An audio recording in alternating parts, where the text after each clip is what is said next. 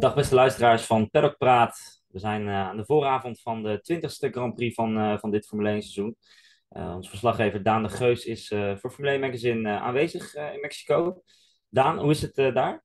Ja, goed. Het is hier prima toeven. Het is een ja, aparte stad, een bruisende stad.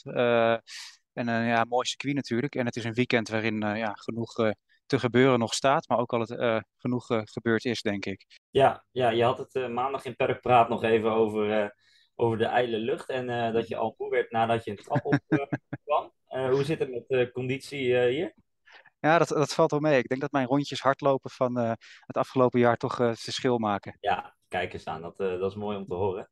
Hey, ehm, we zitten net in Nederland, nu net na de eerste training. Wat we toch al vooral konden zien, is, is al heel, hele volle tribunes. hoe heb jij het gezien, de eerste training? Ja, wat je zegt, het is echt volle bak al inderdaad. En het uh, leuke van de paddock hier is dat je uitzicht hebt op dat stadiongedeelte. en uh, als je dan s ochtends binnenloopt, dan ziet het er echt wel gewoon ja, heel imposant uit. En naarmate de dag vordert en het verder voller stroomt, neemt dat alleen maar toe. dus qua sfeer is het geweldig. En ja, de Formule 1 leeft hier ook echt in Mexico. Je ziet op elke straathoek van die aanplakbiljetten met Sergio Perez erop, die van alles aanprijst. Van telecomproducten tot uh, zijn eigen uh, ja, documentaire of show of zo op een of andere streamingdienst. Dus ja, het is echt een, echt een big, big deal. Ja, ja, we komen natuurlijk uit het, het glansrijke Amerika met de charmers, met het bijna carnavalachtige ja, uiting die, die het park dan, dan heeft. Ehm, wat is dan de charme van Mexico? Is dat vooral Sergio Perez of is dat een algemene charme of zo? Wat is er zo mooi aan Mexico? Uh, ja, zeker. Ja, het is echt wel een soort van gastvrijheid van de Mexicaanse mensen. Dat merk je hier op het circuit, maar dat merk je ook gewoon in, uh, ja, op, op straat. Voor zover wij op straat komen, natuurlijk in de buurt van die hotels dan. Die zijn natuurlijk vrij toeristisch, maar uh, ja, er zit echt wel een soort, een soort levendigheid in. En hier op het circuit is alles heel leuk aangekleed met ja, typisch Mexicaanse dingen. En ook een aantal dingen voor dat Dia de los Muertos natuurlijk, wat rond deze tijd van het jaar is.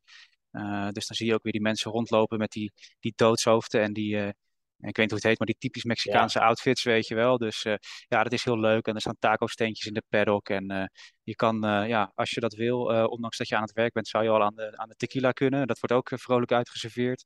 Dus ja, het is wel ook een soort van feest Grand Prix eigenlijk altijd. Ja, ja, ik kan me inderdaad, ik denk dat, dat, dat de Formule 1 liefhebber ook die Racing Point mechanic nog goed kan herinneren in 2019. Die in, uh, in de pitstraat zat, uh, zat met, die, met dat masker op. Ja, ja voor de rest, uh, ja, we komen dus net uit, uit voor de vrije training één rollen. Nick de Vries was natuurlijk weer, weer te bewonderen voor zijn laatste rit in, in de Mercedes. Wat vond je van, van zijn training? Ja, we hebben hem nog even kort gesproken daarna. En hij zei ook van het, was een heel duidelijk programma wat hij natuurlijk moest doen. Wat aero-ontwikkelingswerk uh, voor volgend jaar alvast vooral. Uh, hij heeft het vooral op harde banden gedaan. Volgens mij heeft hij niet eens op soft of mediums gereden. Dus het ging niet om tijden. tijden. Zoals hij zelf ook zei, was niet echt, uh, ja, het was niet echt het moment om, om te shinen. Maar hij heeft gewoon heel professioneel ja, dat testwerk allemaal gedaan. Goed gedaan, geen fouten gemaakt. Dus, dus prima. En op het eind nog een, ja, een, een mooie boodschap van hem richting Mercedes. Als een bedankje voor alle ja, alle mooie tijden die ze hebben gehad uh, de afgelopen drie, vier jaar. Ja, we zien in uh, Nick de Vries toch ook deze training weer. En uh, iemand die gewoon echt keihard werkt en op die manier dan toch wel weer, weer boven komt drijven. Um, je had het over geen fouten gemaakt. nou, de andere vijf, of de andere vier moet ik zeggen, andere namen dan, dan die we gewend zijn, maakten op zich ook geen fouten. Maar ja, de motoren die van hun deden dan toevallig wel weer een stuk minder ja, die kregen allemaal niet echt de kans om te imponeren, inderdaad, helaas. En ik zag het lullige bij uh, Logan Sargent, was die zou 100 kilometer moeten rijden om nog een superlicentiepunt uh, extra bij te kunnen schrijven. Maar dat schijnt hij net niet gehaald te hebben. Dus dat is dan wel een, uh, een slordige rekenfout natuurlijk geweest. Maar ja, ik denk dat, weet je, zo'n Fittipaldi ook, die stapt dan in bij Haas, maar die weet al dat hij niet in een running is voor volgend jaar natuurlijk. Dus het, het, het had in die zin ook niet extreem veel om het lijf. Voor veel teams is het toch een, een beetje een verplicht nummertje om zo'n rookie in, uh, in te zetten. Ja, ja, dat zien we ook uh, inderdaad ook zo laat in het jaar nog even uh, er tussendoor fietsen. Ja, klopt inderdaad wat je zegt. 98,7 kilometer heeft Sargent gereden. Hij moest er 100 rijden, dus dat is dan wel ah. van die rode vlaggen geweest. ja, ja. Een was dat. Ja, balen. Maar ja, als het goed is, dan kan hij in de Formule 2 nog genoeg punten mee, mee pakken. Dus ja, dan zou het niet zo'n groot probleem moeten zijn. En anders dan pakt hij nog een winterserietje erbij. En dan, uh, ja, volgens mij komt, dat, komt dat ook wel goed. Ja, het nieuws van de dag, eigenlijk waar het in de paddock wel vaker op de donderdag over gaat, is de politieke zaken rondom de Formule 1. en dat was vandaag de uitspraak van de budgetcap. Red Bull krijgt 10% minder windtunneltijd en een boete van 7 miljoen euro. Ehm, ja, hoe werd daar in de, in de paddock op gereageerd? Ja, ik denk een beetje zoals je zou verwachten. Hè. Uh, Horner die kwam echt met wat hele duidelijke statements uh, tijdens een, uh, een persconferentie die ze hier op vrijdagochtend lokale tijd nog, nog belegd hebben. Terwijl Zack Brown van McLaren juist vond dat er te mild is gestraft. Ik denk dat zeker bij het Britse journaal ook die indruk wel bestaat. Als je collega's spreekt, als je de stukken leest, dat Red Bull er in die zin enigszins genadig van af is gekomen. Ik denk dat je dat deels kan betwisten, omdat ja, die windtunneltijd, dat is echt wel een tik. Dat zei Horner ook. Dat gaan ze echt wel voelen. Uh, want omdat ze kampioen worden, krijgen ze sowieso een windtunneltijd minder. En daar gaat nog eens 10% extra van af. Ja. Um, dus zij komen uit geloof ik 63% uh, van, ja, van de norm. Of van het gemiddelde moet ik zeggen. En dat is natuurlijk wel, uh, wel pijnlijk. Kijk, die 7 miljoen, die zullen ze niet echt voelen. En het gekke daarvan is ook, en daar kun je ook wel over discussiëren, van die valt buiten de budgetcap. Dus die, die telt niet mee voor de budgetcap van dit jaar. En dan denk je van ja, als je dan een budgetcap overtreding begaat, zou je dan niet juist de boete moeten betalen met het geld binnen de cap. Maar in die zin uh, denk ik dat Red Bull zich gelukkig mag prijzen dat dat niet nog wordt uh, meegeteld daarbinnen.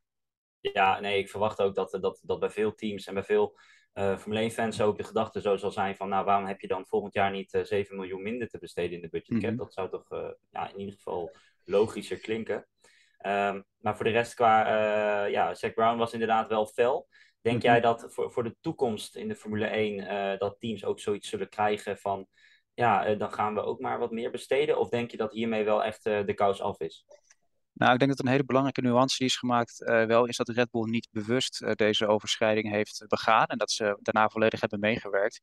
En stel je voor een ander team, hè, ik noem een Mercedes of een McLaren, uh, die speelt het volgend jaar op dezelfde manier. Ja, dan is het natuurlijk wel duidelijk dat dat niet een, uh, een fout is geweest. En dan gaat er absoluut harder opgetreden worden. Uh, de andere kant van is wel, er is een soort precedent gezet nu, uh, maar door alle verzachtende omstandigheden en doordat die straf alsnog redelijk mild is, dan uh, bestaat er best wel een kans dat bij een volgende overtreding van een ander team, dat alsnog harder opgetreden gaat worden en dat je daarna weer een hele discussie over krijgt. Dus wat dat betreft is het echt een ja, iets wat wel langer nog een, een, twistpunt zal blijven. En ik denk wat Horner aanhaalde meermaals, wat ook wel belangrijk is, is dat er gewoon meer duidelijkheid komt over wat erin uh, zit en niet.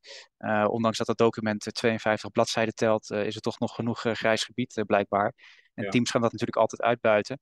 En ik denk dat je de klok op kan gelijk zetten dat, weet je, vanavond na de tweede training, dan verschijnen er weer teambazen voor de camera's. En die zullen ook wel hun zegje doen. En dat zal zaterdagochtend in de persconferentie niet anders zijn. En dan wordt het denk ik toch wel weer het, het vuurtje enigszins aan, aangewakkerd, verwacht ik. Ja, dus je denkt dat dit nog wel een tijdje zal dooretteren? Of denk je dat het, uh, ja, dat het op een gegeven moment wel gewoon geaccepteerd wordt en dat iedereen dan weer focust op, uh, op wat er komt? Nou ja, juridisch is het nu natuurlijk afgedaan. Dus hopelijk uh, kunnen mensen er ook gewoon een streep onder zetten en kunnen we door. Want het, het heeft wel lang genoeg doorgeëtterd al, denk ik. Ja, Horner was ook niet bang om van zich af te bijten in de, in de persconferentie. Uh, daarmee zei hij dat, dat rivalen ons eerder een excuus waren verschuldigd dan dat hij zich uh, zelf moest gaan ja, verexcuseren ja, dat, uh, dat een beetje. Dus uh, ja, als we dan de focus wel wat leggen op, uh, op de baanactie, want we zijn hier natuurlijk gewoon om te racen dit weekend. ja, hoe kijk jij naar de, naar de baan? Want het is toch een, een hoog, heel hoog circuit, op meer dan twee kilometer, op twee kilometer hoogte.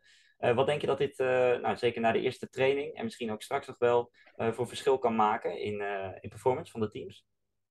Ja, het maakt het toch altijd een soort wildcard. Hè? Want uh, de motoren hebben het er wat moeilijker mee met die ijle lucht. En aan de andere kant hebben ook de, de auto's qua hoe ze downforce genereren. Ja, ze rijden hier eigenlijk met Monaco vleugels, zoals we het vaak samenvatten. Maar ze halen Monza snelheden. Dus het laat wel zien hoe, hoe glibberig de auto's hier eigenlijk zijn op de baan. En zeker in het begin van de trainingen zie je soms wel coureurs die naar grip uh, zoeken. We zagen ook bij Max Verstappen bijvoorbeeld een aantal uh, momenten. Uh, daar komt nog bij dat er ook nog wel enige regen kan gaan vallen dit weekend. Dus de grip die wordt neergelegd, die kan zomaar nog eens uh, ja, wegspoelen. Dus wat dat betreft is het wel een, een soort leuk en onverwacht, uh, ja, altijd een race die kan verrassen, zal ik maar zeggen. En in zekere zin zagen we dat misschien ook al wel in de, in de eerste training. Want Verstappen begon weer ijzersterk. Dan denk je van nou, die zal de training wel als snelste afsluiten. Maar die was uiteindelijk vierde. Ja, ja, dus wat dat betreft kan het, kan het, kan het een leuk weekend gaan worden. En het is natuurlijk ook gewoon een, ja, stoere baan hè, op Monza geïnspireerd. Dus ja, het is, het is wel een circuit wat uitdaagt. Ja, ja we zagen Verstappen toch toch meer dan normaal gesproken in die eerste training best wel struggelen. Klaagde over heel weinig grip in, in zijn Red Bull. Ja, zet uiteindelijk dus een, een tijd neer op iets meer dan een tiende van de Ferraris af. Um, over Mercedes gesproken, toch wel uh, erg uh, in de mix in, uh, in Austin afgelopen mhm. weekend. Um, ja, een, een, Lewis Hamilton zet dan een, een, tijd neer op een dikke tiende van, van de Ferraris. en normaal gesproken, of nou ja, enkele jaren geleden was het vaak Red Bull die met wat minder motorvermogen naar Mexico kwam. En dan toch wel door, de hoge, door de hoge baanligging in de mix zat. denk jij dat dit bij Mercedes ook een voor hetzelfde geval zou kunnen spelen? Of denk je dat het toch anders zal liggen? Ja, zeker. En dat zou natuurlijk een mooie ommekeer zijn van, uh, van zaken.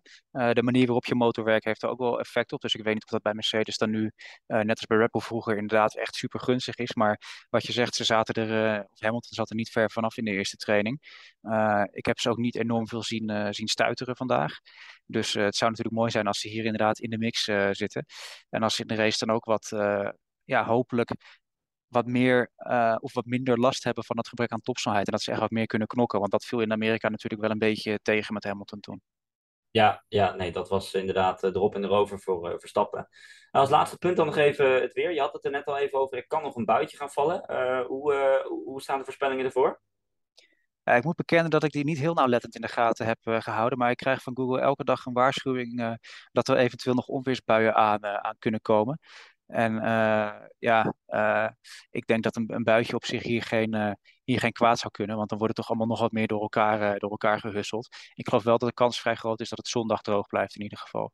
Ja, ja wat ik ook heb kunnen zien is inderdaad zaterdag een, een kans op regen. Maar ja, een kans is natuurlijk nog geen zekerheid. Nee. Helemaal goed. Daan, dankjewel voor, voor de update vanuit Mexico. De komende maandag is er natuurlijk voor u als luisteraar weer Paddock Praat. Uh, is te zien op YouTube en te luisteren op uw favoriete podcast-app. Uh, Daan, succes dit weekend en, uh, en we houden elkaar op de hoogte. En u als luisteraar bedankt voor het luisteren en tot de volgende keer. Formule 1